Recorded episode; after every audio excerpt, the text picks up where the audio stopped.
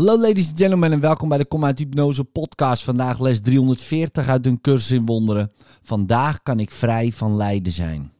Vader, ik dank u voor vandaag en voor de vrijheid die deze dag zeker brengen zal. Deze dag is heilig, want vandaag zal uw zoon worden verlost.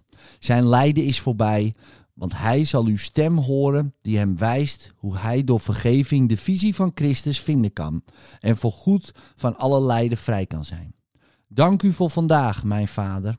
Ik werd in deze wereld geboren enkel om deze dag te bereiken. En wat die aan vreugde en vrijheid bevat voor uw heilige zoon en voor de wereld die hij gemaakt heeft, die vandaag samen met hem wordt verlost. Wees blij vandaag, wees blij. Er is vandaag geen ruimte voor iets anders dan blijdschap en dank. Onze Vader heeft deze dag zijn zoon verlost. Er zal niemand van ons zijn die vandaag niet zal worden verlost.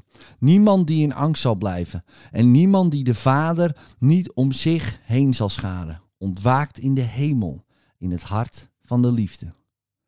In liefde, tot morgen.